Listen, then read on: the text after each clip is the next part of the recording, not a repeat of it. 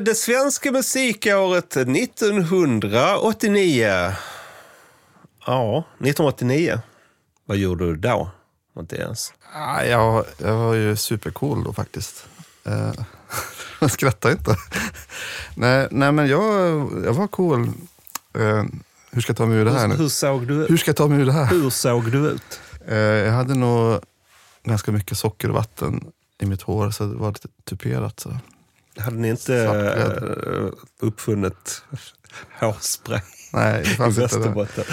Nej, men, eh, jag både skojar och allvarlig. Mest skojar kanske. Men eh, jag var på tågluff då. 19 år gammal, jag och en, en kompis från gymnasiet. Åkte runt i Europa på sommaren. Och så där. Och så, det coola med det är att det var det är en av mina största konsertupplevelser som jag hade då. I, när jag åkte, kom till England. Då såg jag Spaceman 3. Och det var typ en av deras sista spelningar. Det var något kultet, uh, psykedelisk action rock uh, föregångare till, eller innan Spiritualized. Precis, precis. Det var, jag, stod, jag pikade där den sommaren och sen har långsamt gått ut för. Själv då, vad gjorde du? Vad jag gjorde? Ja, jo, ehm, jag tog körkort Du får toppa min, min upplevelse också. två dagar efter att jag fyllde 18. På landsbygden så gjorde man ju det där så fort som möjligt. Eh, första bilen var en vit Peugeot 504 av 74 års modell. Den var ju väldigt fin. Körde på en grävling efter några dagar. Vilken action. Ja. Och eh, det här året eh, så blev jag en frälst. Jag blev frälst som musikälskare kan man säga. Jag var på um, Tivoli-rocken i slutet av maj i Kristianstad och såg samma kväll The Sinners, Docenterna och Lolita Pop. Kanske inte lika credit som uh, Spaceman 3, men uh, jag älskade det. Likväl betydelsefullt. Ja, för mig var det det. Senare på sommaren så körde jag och min klasskompis Krille. Alltså vi gick i samma gymnasieklass. Vi körde till um, Göteborg. Och så köpte vi en Hultsfredsbiljett vars på Bengans. Och sen så körde vi direkt därifrån till Hultsfred. Och där såg jag, jag först ut var punkbandet från Tranås Rövsvett, eh, som bland annat gjorde låtar som Dränken Baptist och, och så vidare. Eh, Motorhead, Obskyrt. ja. eh, Van Morrison, som jag tyckte var oändligt gubbig på den tiden. Men jag såg hela konserten. Torsson, Disneyland After Dark, DAD alltså. Laibach, Jag känner att jag var nog där jag också. ja, vi kanske var i samma publik. Ja. The Creeps, Docenterna igen, Jakob Hellman och Pontus Amerikanerna. Jag kollade i efterhand på Wikipedia. Mm. Ja, du var också där. Ja, jag har väldigt, väldigt, väldigt dåliga minnen. Eller vaga minnen. Dåligt. ja, men jag kan säga som, eh, som en ung kille från eh, landsbygden att jag upptäckte det här fenomenet subkultur kan man säga på, i Hultsfred. Mm. Och ordet independent. En väldigt omvälvande period i livet. Vi har ju faktiskt med, vi kanske kommer in på det, vi har ju med Candlemass på den här, det här årets spellista. Ja, The Prophecy. Mm. Och så var jag olyckligt kär också. Försökte liksom åka ut på, köra ut på julafton och överlämna ett halsband till den här tjejen. Men hon ville inte ta emot det. Så körde jag tillbaka förblindad av tårar. Körde nästan in i, en, i ett träd. Du står här idag i alla fall. Jag står här idag. Men eh, på tal om eh, Jonas så har vi ju, eh, inte här vår tredje Nej. medlem Jonas Larsson, men 1989 så träffade jag honom. eh, Det var då vi träffades och började samma, plugga samma linje i Umeå. Ja, han är ju sjuk. Han blev sjuk igår kväll. Ja, det- Hastigt alltså. Och ligger hemma och i feber. Dessutom fyller han år idag. Det är Ja, det är mycket. oerhört ledsen. Vi ska försöka ta oss igenom det här avsnittet ändå. Ja. Ja, Jonas. Krya på dig. låt oss sätta igång. Fram med förstoringsglaset här. Mattias, minns du vad som hände när vi satte ihop den här listan? Det brukar alltid hända saker. Ja, det var konflikt. En av våra konflikter. Det var bråk om låtval. Det var musiksmaker som krockade mot varandra. Det var hårda ord som folkhögskolefunk och fritidsgårds reggae som utslungades I chatten. i chatten. Ja, det jag skulle säga att det här var en av de svåraste listorna i det svenska musikåret som vi har gjort. Ja. Eh, Vi var helt slut när vi var klara. Ska vi börja lyssna?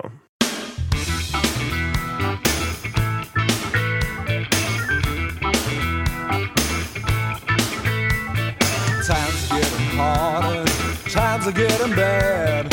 Things seem to fall gone, losing ground again. Got to get started from the right end. Take a look at what you're doing, you need a helping hand. I'm gonna put you back on the right track. I'm gonna put you back on the right track. Yeah, I'll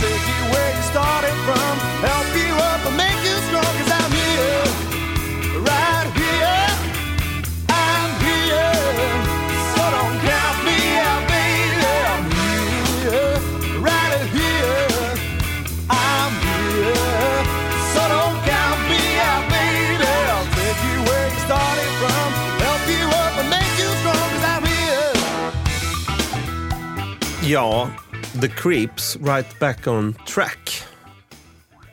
Ehm, när jag var 18-19 så var The Creeps ett av mina absoluta favoritband. Jag hade sett dem som förband till Roxette på någon stor utomhusspelning i Skåne. var det ett småländskt band? Eller? Ja, från Älmhult, sydligaste Småland. Ikea-orten framför de andra. Jag tyckte de var ett fruktansvärt bra liveband. Sångaren Robert Jelinek var ju väldigt kaxig och hade en väldigt själfull stämma. Var inte orgeln halva grejen också? Absolut. Hans eh, Ingemanssons eh, Hammondorgel. Bless his soul. Han lever inte längre tyvärr. Eh, och här tar de ju då under eh, 80-talets sista skälvande månaden. Den här singeln släpptes i december tror jag. Steget mot ett mer kommersiellt soulrock-sound. Mm. Visst, jag var exalterad när Blue Tomato släpptes där i början av 1990. Men jag måste erkänna att jag inte lyssnat på den skivan sedan 91.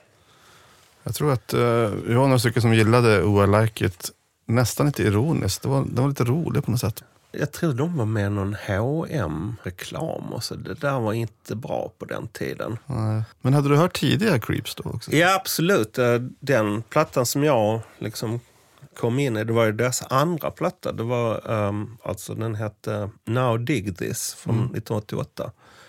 Och den hade ju mer liksom ett så här souligt 60-talsbeat. Lite mer som Spencer Davis Group eller Georgie Fame and The Blue Flames. Alltså, det älskade jag ju. De var ju väldigt retro i början. Ja, det var de ju här också, men på ett mer samtida sätt. Mm.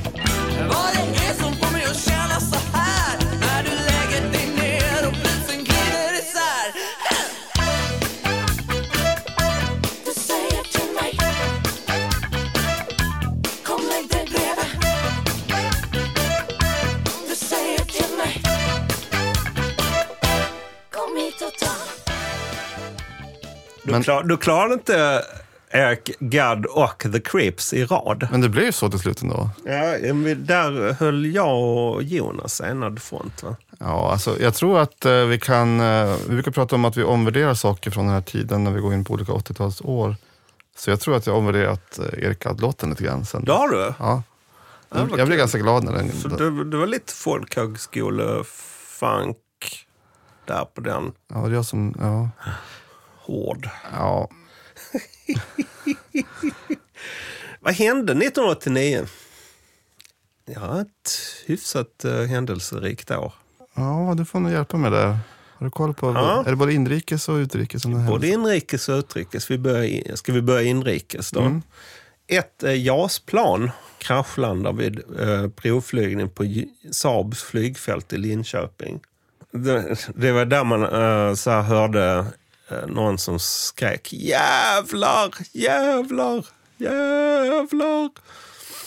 Flygplanet som var det enda exemplaret, det totalförstördes men piloten klarade sig med lättare skador. Världens största sfäriska byggnad. Mm, Globen. Ja, Ja. rätt. Invigs i Stockholm. Roxette toppar i mars detta år Billboard-listan i USA med The Look.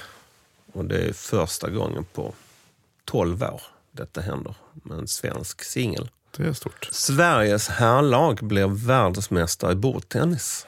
Och Jan-Ove Wallner blir singelvärldsmästare genom att besegra Jörgen Persson i finalen. Det är en bedrift. Mm. Vinna vid Jörgen. Ja, vinna över eh, Kina. Ja. Um, rättegången mot Christer Pettersson, misstänkt för mordet på Olof Palme, inleds. Han döms till livstidsfängelse i juni och frikänns i november i Svea hovrätt efter att domen har överklagats. Det är väl där han poserar med en flaska, vad det nu är. En flaska Han hade två flaskor som han skulle blanda. Rabarbersaft. Baileys och renat. Tack, Anders. Tack. Eh, påven besöker Sverige. Och då går vi utomlands. Salman Rushdie får en fatwa, en dödsdom på sig av en ayatollah på grund av boken Satansverserna. Och han drabbade, det var väl ganska nyligen han blev utsatt för ett attentat. Saker kommer igen på ett otäckt sätt. Massaker på Himmelska fridens torg, Beijing. Och eh, i Ungern klipper man taggtråden mot eh, Österrike och inför eh, flerpartisystem. Berlinmuren öppnas i november. Revolution utbryter i Rumänien där presidentparet Nicolae eh, och Elena Ceausescu avrättas. Och dramatikern Václav Havel väljs till president i Tjeckoslovakien. Det hände mycket. Verkligen mycket. Ett omvälvande år. Ja. 1989. Uh, inser också sen när jag gjorde lite research att jag kollade inte längre, så mycket på tv längre. För att jag hade ett körkort och var bara runt och flängde. Myndig också där. Myndig. Eh, eh, Det det enda jag såg var Lorry och en himla många program. Galenskapen och After Shave. Och sen så när jag var hemma hos min polare Jonas Bacher där de hade en parabolantenn så såg vi massivt mycket på MTV. Vi hoppar till eh, Jakob Hellman, Tårarna.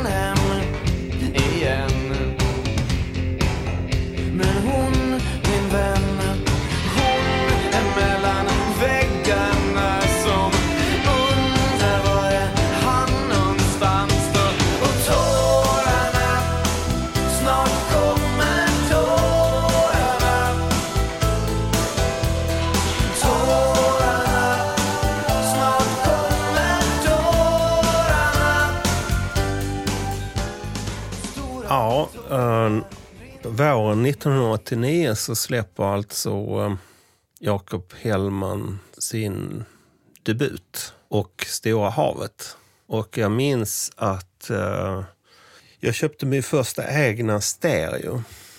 Jag åkte till radiohandlaren i Brösarp och köpte stereon och så i köpet fick jag välja en LP.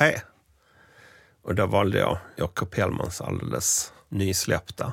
Eh, Och lyssnade extremt mycket på den det här året.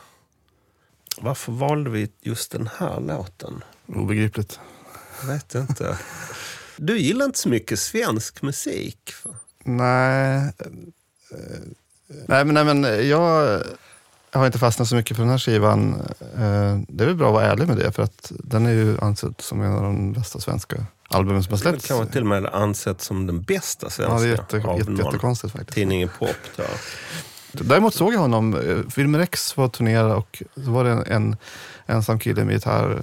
De var uppe i Umeå och så var Jakob Hellman förband. Mm. Eh, Det måste vara 89 också tror jag. Ja, Eller till och med kanske sent 88. Ja. Ja. Där på vintern i alla Ja, fall. ja. Ja, men du gillade coola engelska band på den tiden. Det kanske var det som distraherade mig lite grann. My Bloody Valentine och Sonic Youth och sånt där. Ja, ja, ja. Eh, Coola svenska band då?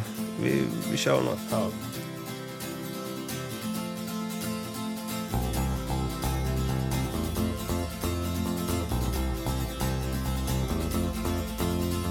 Here I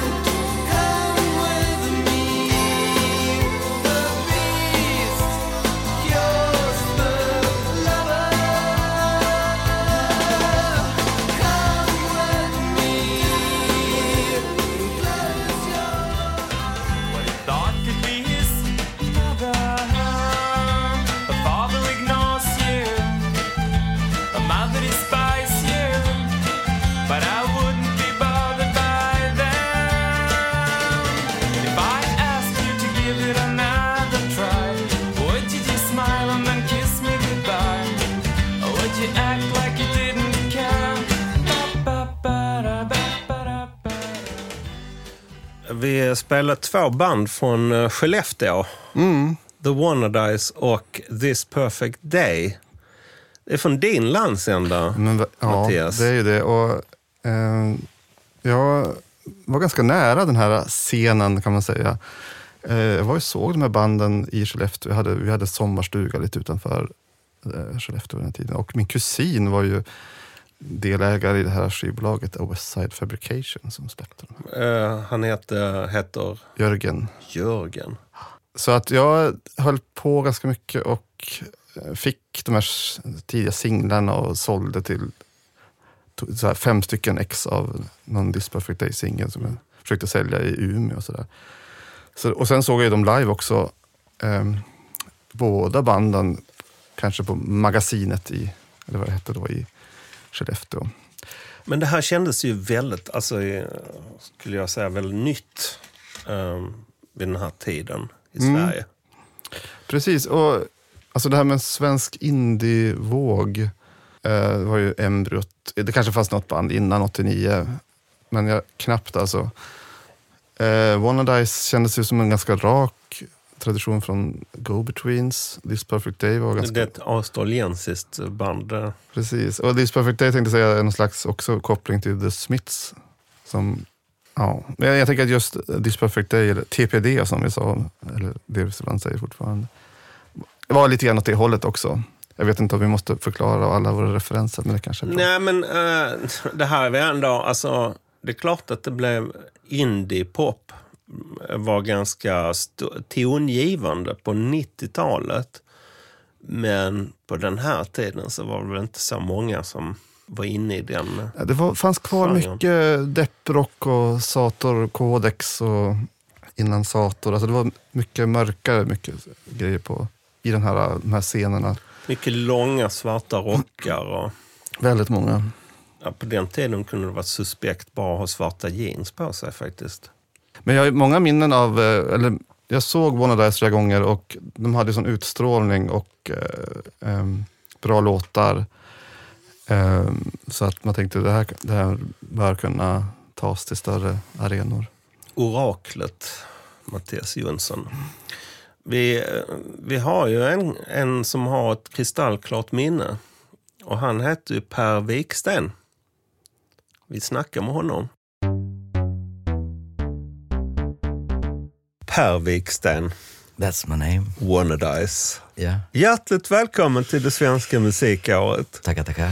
Du eh, kopplas till eh, eh, musikåret 1989.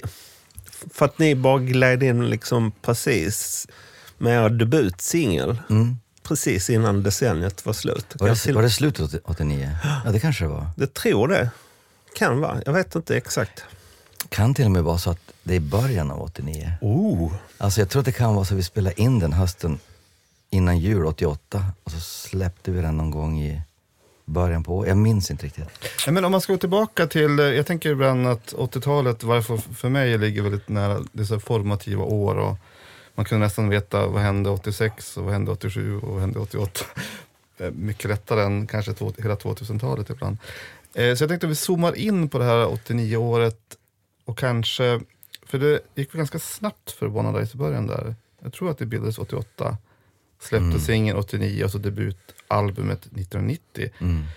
Men hur var musiklivet i Skellefteå under de här åren, säg mellan 88 till 90? Det var precis då tror jag vi, eh, alltså jag träffade ju Steffe Schönfeldt på en nattklubb i Skellefteå, du hör ju. High life.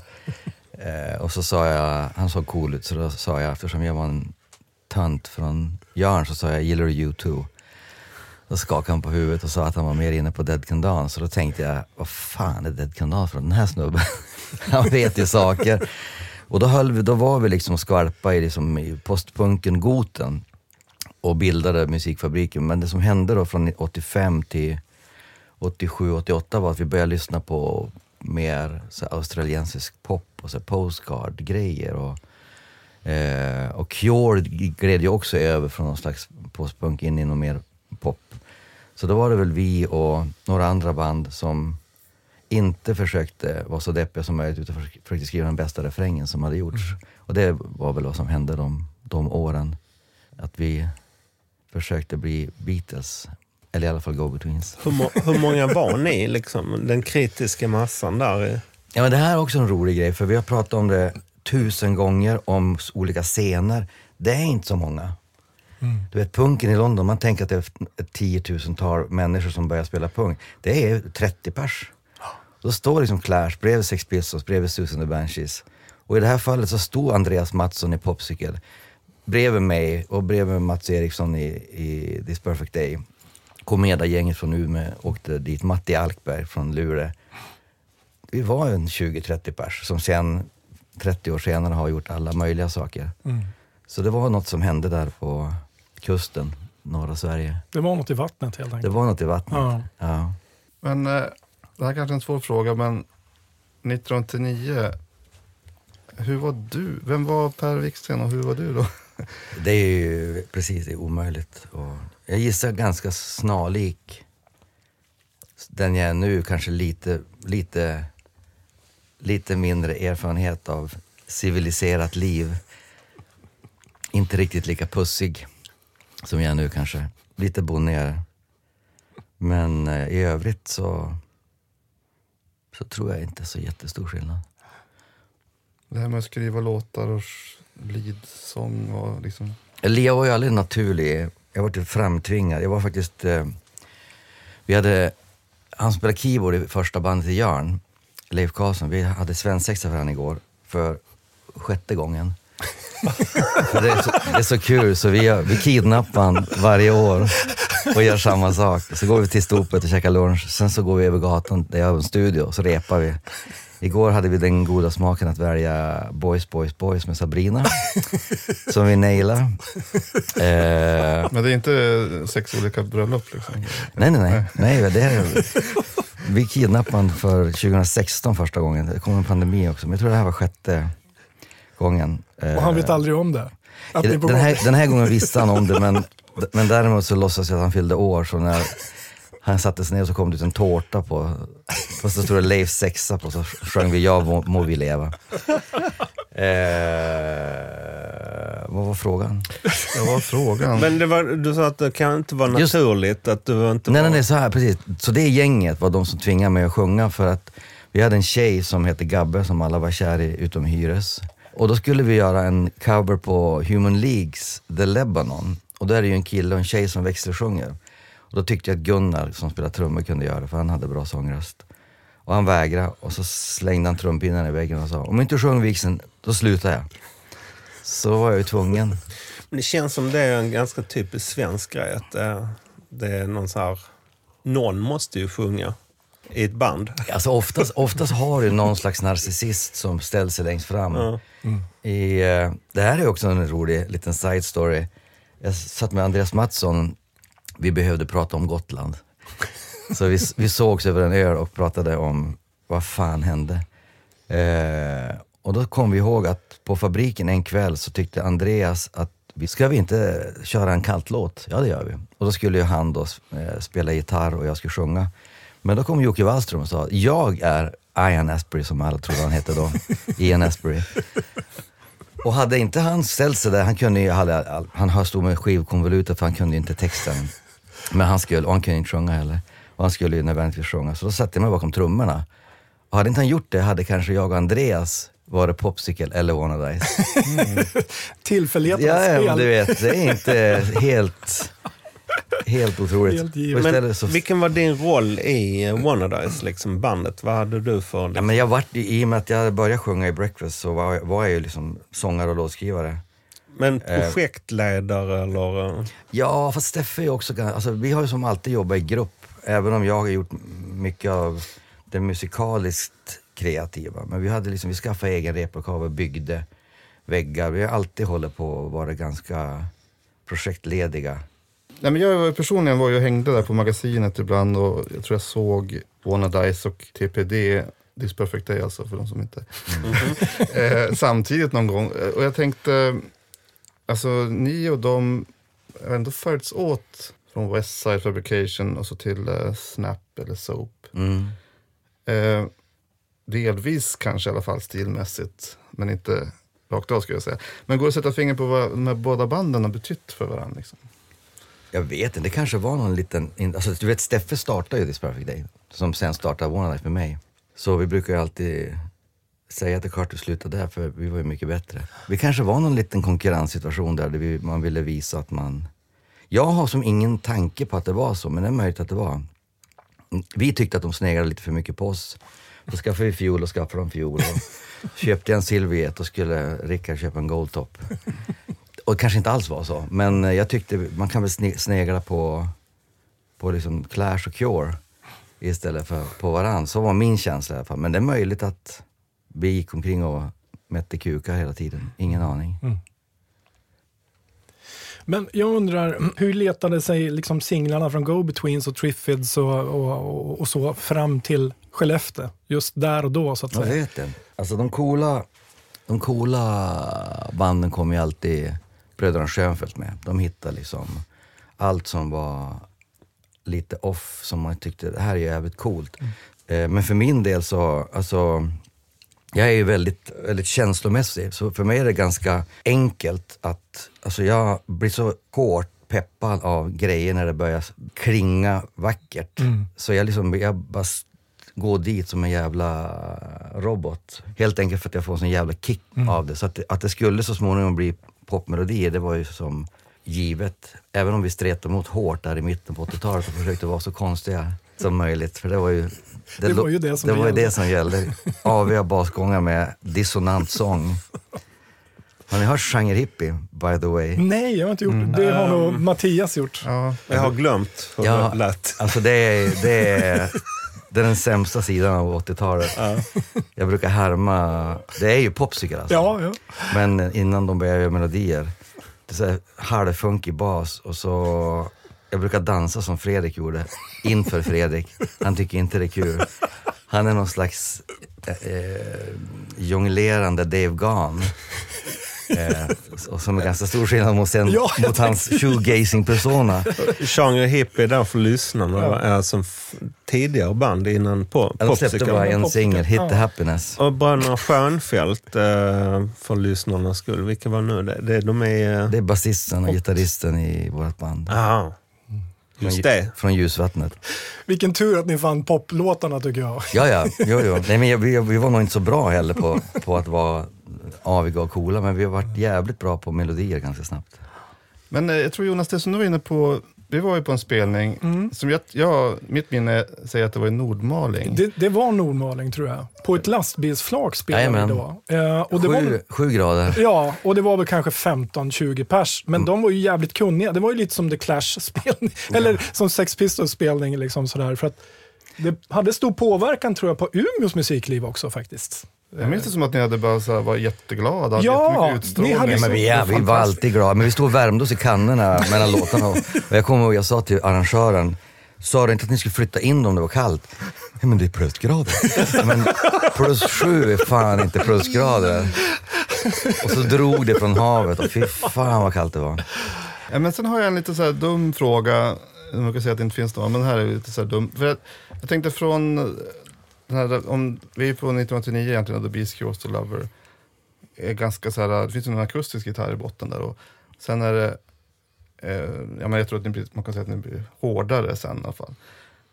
Om du får välja bara en, en sak, skulle du då välja pop i betydelsen kanske en mjuk gitarr eller rock som är en hård gitarr? Du måste välja. Om jag måste välja, välja pop, mjuk. Melodierna är alltid roligast, men det är jävligt kul att liksom spela garagerock eller punk i, i repan. Det är liksom att smälla på liksom några riff är jättekul. tänkte också att om man spelar på stora scener eller arenor så är det inte heller så lätt att få ut akustisk. Alltså, där kan det också vara lättare att riffa eller att... Faktiskt tvärtom. Eh, jag tycker att ju större lokal, desto bättre funkar mer svepande grejer. Det är svårt att liksom kicka röv. Alltså, En fråga vi har hoppat över. Mm. Finns det något tillfälle, någon, händelse under din karriär som du betraktar som en absolut höjdpunkt? Eh, Det är många. Eh, En höjdpunkt överhuvudtaget är ju hösten 95. När England ringde och sa kan ni komma? De gillar er. Det har varit som en ny pubertet. Vi varit som helt tokiga i huvudet. Vi satt liksom i Skellefteå och var 27, 28, 29 och så helt plötsligt var vi 17. Och hängde liksom med alla de här banden från, från Blur till Teen- Teenage Fan Club. Vi har fortfarande samma bokare som Teenage Fan Club, Pixies, PJ Harvey, Pulp. Det är våran agent. Så det är en ganska bra stall. Men vi hängde ju med dem. Vi satt på puben och så gaggade vi med och så låg Graham Coxon på golvet och sa Du får inte ha en rockband. Det är bara vuxna som har rockar. Man vi är ju för fan vuxna Graham. Lägg ägg i kungen.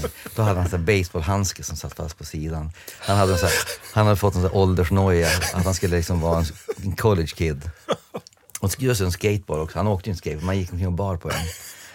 Eh, så det är ju liksom bara det. Alltså sen att vi spelar på Glastonbury inför 50 000 pers eller vad vi, eller Roskilde året efter, det är ju också härlig grej. Men just bara den grejen att det här lilla skitbandet från Jörn och Skellefteå slank in precis och bara red på hela britpopvågen. Hur i hela friden lyckas vi med det? Ja, det är fan imponerande, för att det var ju en urbrittisk Ja, ja, ja. rörelse. Liksom. Och det var så många som var bra i Sverige som inte lyckades. Ja. Det var bara vi och Cardigans. Mm. Inga andra släpptes in. Och det, Just också sälja pop till britter. mm. Och vi passerade som ett britpopband också. Cardigans visste alla var svenska, men alla trodde att vi var engelska. Det är ett bra betyg. Jag, Eller då var det jag spelade på Wembley eh, som engelsman spelande för Skottland, men jag vågade inte öppna munnen för att skott, skottarna, jag tror det var någon i Teenage Fanclub som sa, eller om det var Primal Scream, som sa “fucking Scottish team got a cockney accent”. för att det var så många engelsmän som fick spela för Skottland, för det var ju kort varsel. Jag tänkte bara, jag håller käften, jag säger ingenting. Det är till och med en svensk med i det skotska laget. Jag tänkte fråga, en händelserik höst eller? Nu? Ja, 2023. ja, det vet jag inte. Du vet inte det? Nej men jag alltså, det kommer ju hända konstiga saker. Det har varit en väldigt händelserik vår och sommar eftersom jag har varit och spelat in ett tv-program och vår dotter har tagit examen och dragit till Brighton och Tv-programmet Så mycket bättre. som vi inte, vi får inte veta någonting Nej, vad som hände. nej, inte annat än att de påstår att jag har slagit nytt rekord i könsord. Oj, Vem Alltså- höll det förra? Nej, jag vet, jag vet, jag tror att John i Jonossi var ganska bra på att vara ful i munnen, men jag- jag ska tydligen ha sagt 40, 50, 60 olika typer av könsdelar och vad man kan göra med dem. Jag har inget minne av det själv. Jag fick en blackout och sa tydligen jätte... Så de kom springande från bussen och grina och skrattade. Så det där var det värsta vi någonsin har... Jag har ingen aning vad som hände. Jag kommer inte ihåg något. De sa, vi vet inte om vi ska sända det där. Jag, jag, man vet ju att ni, man inte får sova så mycket till exempel. Ja, Jag dygnade första natten, Ja. det gjorde jag. Men sen så, jag förberedde mig genom att göra samma sak. Så dagen innan jag åkte var jag på Dregens 50-årskalas. Och dagen innan det var jag hemma hos Moa Gammer för att fira ett år sedan filmen hade färdig, färdigfilmats. Och dagen innan det var jag på båtklubben och hade fest. Och dagen innan det hade vi middag. Och dagen innan det, så jag tror att jag, jag hade nog inte sovit något och druckit sprit eh, sju dagar i rad. För att sen då öka. Fantastiskt. Du var uppvärmd och du var Jävligt loose kan man säga. Ja, ja, och vilket var min, min enda chans också eftersom jag, jag är för det första ingen soloartist. Och jag kände att min enda chans att klara av det här är att vara lite borta. Och det var ju så, när jag kom hem så var jag fortfarande så speedad så jag och bisarrt, eh, bisarr liten grupp här. Jag och Peg Parnevik och Ellen Kraus bestämde att vi skulle ta med min fru och gå på stopet för att debriefa. Peg somnade i soffan eh, och Ellen for till sin tjej för hon saknade henne så mycket. Och jag gick på ångorna till klockan nio på kvällen ungefär. Jag började totalt tuppa av. Sov i 15 timmar och sen när jag vaknade var det där, vad fan var det där? Så har vi bara träffats flera gånger. All, alltså vi har blivit som en liten familj som har utsatts för någon slags eh, övergrepp. Så vi, vi måste träffas och prata om det hela tiden. Vi, ingen vet riktigt vad som har hänt. Ingen kommer riktigt ihåg. Så, så det blir en uppenbarelse nu i höst när det kommer sända. Ja, vi ska se första avsnittet tillsammans. Det är alltid så tydligen. Och det är jättebra för då är inte jag med. Däremot så kommer jag förmodligen vara med i vignetten vilket jag har ångest över för att jag bytte inte om från badutflykten. Alla gick och bytte om när det var pressbilder och vignettfotning. Och jag står där liksom i min herrbaddräkt och ett par snickarbyxor. Så holkärmat på män över 19 är inte skitvackert. det kommer så. bli underbart. Min, min fru bara tittade på mig när hon, när hon såg pressbilden och sa, vad fan tänkte du? Jag tänkte ingenting. Jag, jag kom från den där båtutflykten och så hade vi badat och så sa de kom så gick jag bara dit. Och de andra gick och bytte om. Ja, tydligen, men inte jag. Ja, När börjar det sändas? Vet du? det är sista lördagen i oktober va? Och så går det till mitten av december. Men One Night Live, när får vi se det på scen igen? Alltså vi har lite, vi skulle ha spelat några gig i år, men eftersom det här programmet kom så flyttar de det till nästa år. Så nu när jag kommer att bli enormt stor och folkkär så kommer jag ju att, att spela jättemycket med, med bandet och själv på stora arenor runt om i världen. Såklart, Ja. Alltså det ser vi fram emot. det gör vi verkligen. Vi tackar. Alltså, inga har haft roligare än vad vi har haft. Alltså. Tack Per. Tackar, tackar. Tackar. Tack.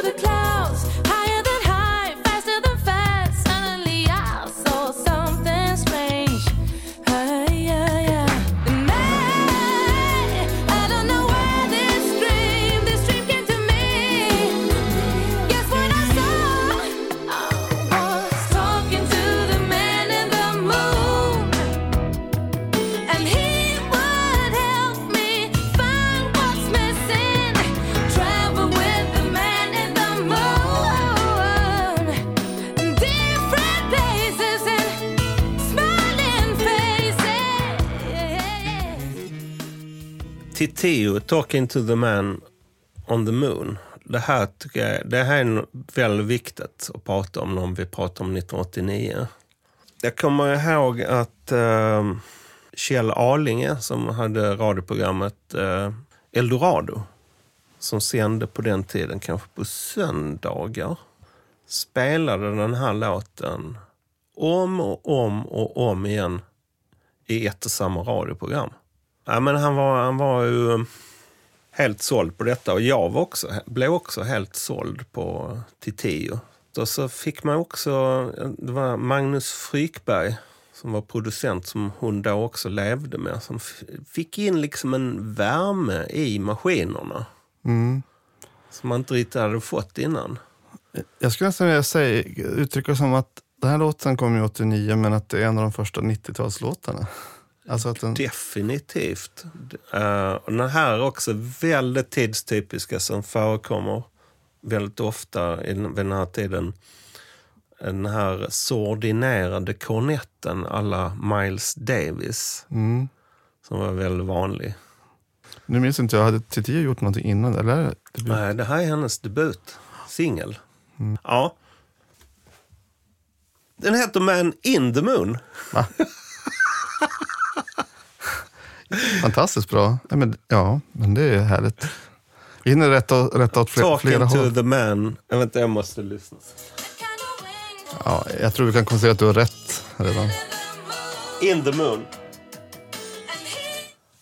Ja, men, eh, det här kopplar ju också an till eh, en ny kan man säga, musikalisk rörelse som kom i slutet på 80-talet. Nordic Beat kallas det för ibland. Alltså det släpptes också några samlingsskivor där 88, 89, 90. Tre stycken med, med olika artister. Jag tror Titiyo var med på ett hörn. Det var en DJ Stonebridge. Uh, det nya var ju, det var liksom billigare studios och musik som gjordes på datorer och syntar då. Framförallt. Och housemusik som vi faktiskt också har exempel på.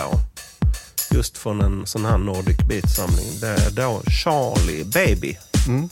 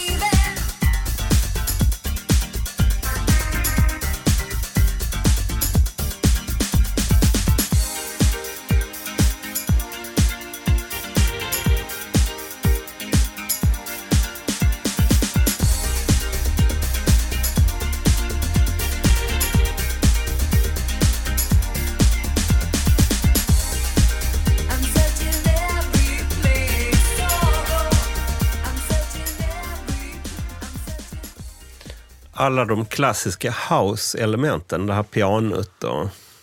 Men det måste det här är inte riktigt min genre, men det måste vara pionjäranda det här gjordes för att de här sam, alltså innan, jag vet inte när första samlingsskivan kom, var det året innan? 88.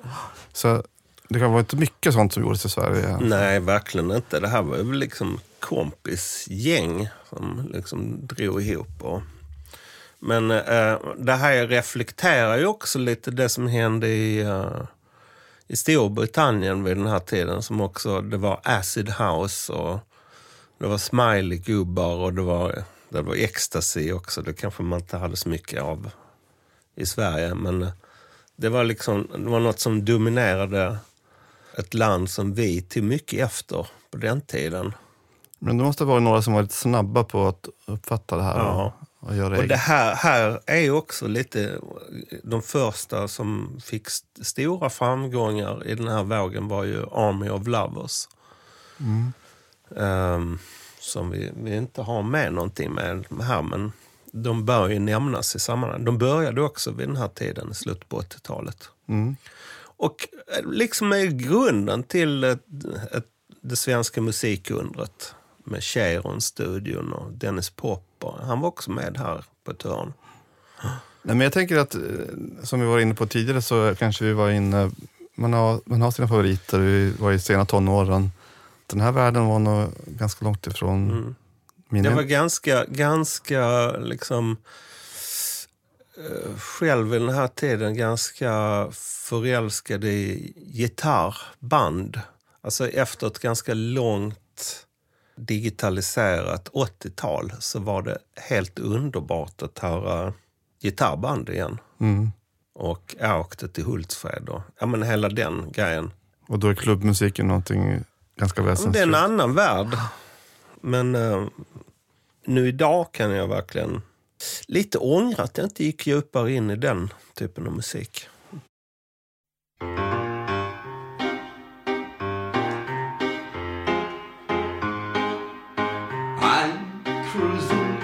Glory ride. Temptations like a suicide. Don't want to be a final. I don't want to make it hard. A fire in the backyard. As night sticks out like fire all your numbers counts the same. Whoa, whoa, I don't want your love, and I don't want to starve. But baby, I wanna break your heart. I don't want to save you, wanna tear you apart. Baby, my mind wants to break your heart. Ja, jag får nästan lite um, ståpäls. Jag hör eh, Break Your Heart med Freddy Wadling. Eh, detta är från hans första soloalbum. Something Wicked This Way Comes. Och vid den här tiden så var ju han framförallt um, känd från Blue for Two. Mm. Som låg på ett um, skivbolag som hette... Radium. Och vad är siffran efter? Ja, det kom en 207. 206.05 tror jag. Ja, det avrundas till... Men äh, Göteborg... 226.05 säger vår producent här. Många fel här idag. Men det var liksom ingen slump att jag och Krille åkte till Göteborg för att leta skivor. För att liksom komma nära den eh, främsta rockstaden i landet vid den här tiden. Skulle jag säga. Men lyssnade du på Bommen någonting? För jag tänker att Lars Aldman, det, här, det är ett radioprogram från den tiden där, som var väldigt alternativt. Då. Jag, jag tror att han hade ganska mycket förkärlek för Göteborgs artisterna. Absolut. Nej, men nej, jag gjorde inte det. Eh, men jag, alltså den här låten, att det- den... Dels slås man av uh, hans sätt att sjunga. Men också låten, det påminner om någonting av Bertolt Brecht och Kurt Weill. Precis som en del grejer med Blue for Two. Ja, till och med The, The Freaks med Cortex. eh, som kom ännu tidigare. Det, det är liksom den här där dramatik, lite teatralt va? Mm. Och sen att den är så ner, nerstrippad med pianokomp. Eh, Det gör att den känns ju väldigt tidlös. Eh, ja, det kanske är överflödet och redan uttjatat att lyfta fram uh, Fredde Wadling som sångare. Jag tycker att vi ska göra det som känns rätt Men, ändå. Det vill jag, vi- vill jag ändå passa på att göra. Ja, men och allt på radion kanske inte har... Ibland tänker man så att, man, att det kanske inte har åldrats så bra. Nej. Vi lyssnar på något annat från radion. Ja.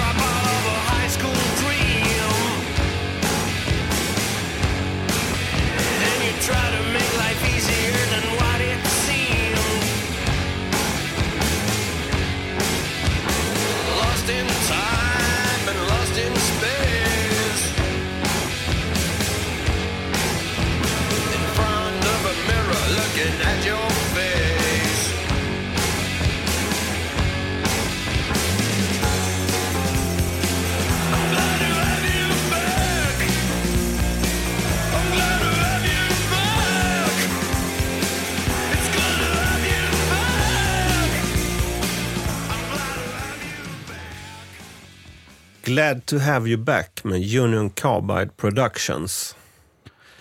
Ja, från deras andra LP är det väl. Eh, jag tror också att det här var ett band som det här radprogrammet Bommen spelade, det jag hörde första gången. Sen tror jag att jag hörde den första LPn också som var, ganska skränig, In the Air Tonight. Ja. Men att den här LPn har en produktion som släpper in luft och är varierad och ja, det är en stor favorit fortfarande. Jag tycker jag brukar spela den ganska ofta. Financially dissatisfied, philosophically trying. Ja, precis. Det är ett eh, Mick Jagger-citat. Är det det? Ja. Den är lite jobbig att uttala, men, men jättefint. eh, Eller fint. Ett bra album. Men det är mycket... eh, Jag tycker det är väl ganska mycket kult musik på den här spellistan. Eller? Ja, blanda, ja det är. Blandat. En del, en del house, eh, lite Nordic beat. Det är eh, lite såna här indie eh, alternativ rock grejer. Och eh, ja men Orup som hade eh, 100 hits det här året. Och, ja, men, Webstrand också. Ja, men det, det är vår, vad ska man säga, vår nya musiksmak här som kommer in, som vi fick vid den här tiden. Mm. Jag måste nämna ett annat sånt där kultband från Norrköping. Sit back, I tell you something. I'm in a lot of sin, how much I really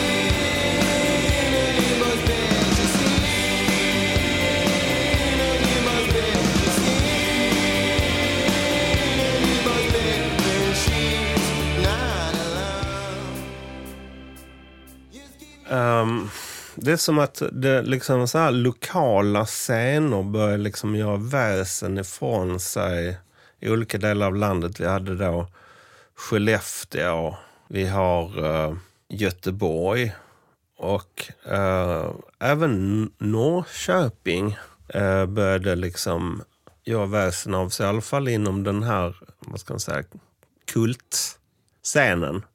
För att uh, vid den här tiden så började man ge ut en poptidning. När kom det första numret? Ja, men 88.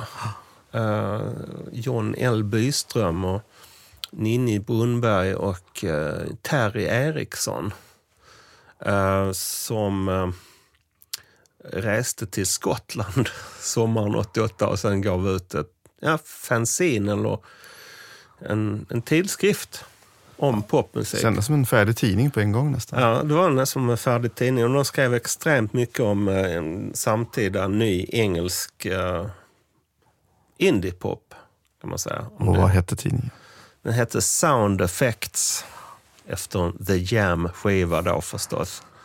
Man läste ju Sound Effects som Bibeln ungefär. Ja, lusläste. Ja, och ehm, The Persuaders var e- ett av många, flera band av ehm, en eldsjäl i Norrköping som heter, heter Ola Hermansson. Som också hade Sonic Surf City och ja, olika lokala band. I Her New Candy med The Persuaders. Men ja, Men jag tyckte att det var lite grann en koppling till någon slags Australien-scen nästan. Ja, men man lyssnar väldigt mycket på australiensiska band. eh, Som du nämnde, The Go-Betweens och the Gurus och Triffids The kanske. Church och såna grejer på den här tiden. Och man var inne på såna saker och hade paisleyskjorta och så. Kan man säga att ändå, alltså vi är ju på det här årtiondets sista år, att det ändå är en väg in i ett 90-tal. Ja, det är det verkligen. Det är mycket som... Alltså det är ju det rent kalendermässigt såklart, men även mycket som händer både i Sverige och utomlands. Ja. Sen när jag lyssnade så här idag så tänker jag att det, 19 Det är ett ganska välmående Sverige vi lyssnar på, på något sätt. Det är högkonjunktur och ja, inga så här brännande ämnen. Och, jag vet inte.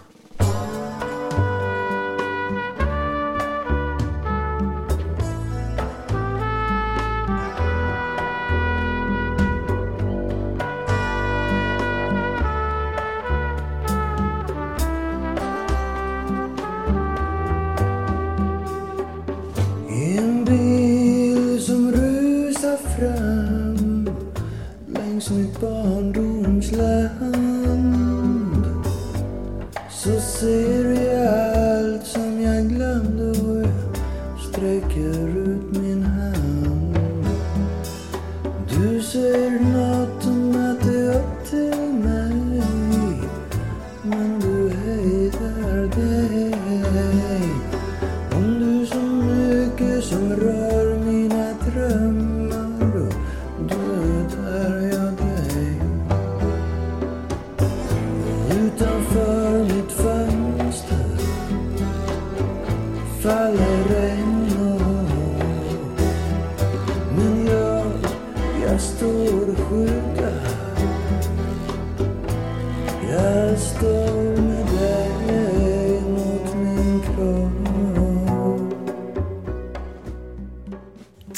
Holgersson, Utanför mitt fönster. Den kom ju också på skivbolag. Eller nej, det var inte EMI.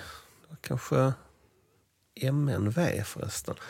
Ja, eh, men jag kan ju säga som så här när den här plattan kom med Tony Holgersson, hans debut, så tyckte jag att det var det värsta tänkbara musik som fanns. Jag avskydde det. Smörig eller liksom? Ja, men 18-åringen med sin oförlösta ilska och ironiska humor var inte i synk med Tony Holgersson. Hur känns det idag då? Jag omvärderade helt och hållet. Nej, men jag, alltså, jag tänker också, här är också en trumpet. Det, är också, det fin- fanns en någon förkärlek för det här, den här blå cigarettröken som singlar upp mot taket. Och den här lite jazziga, tillbakalutade stämningen. Ja, men den här plattan var så här, till bredden fylld av eh, sensuell lyrik eh, och sofistikerade musikaliska arrangemang. Alltså, då var man ju lite ung för att uppskatta sånt. Men det var framförallt en textrad som högg tag i mig som jag liksom fick mig över kanten och gilla Tony Holgersson igen.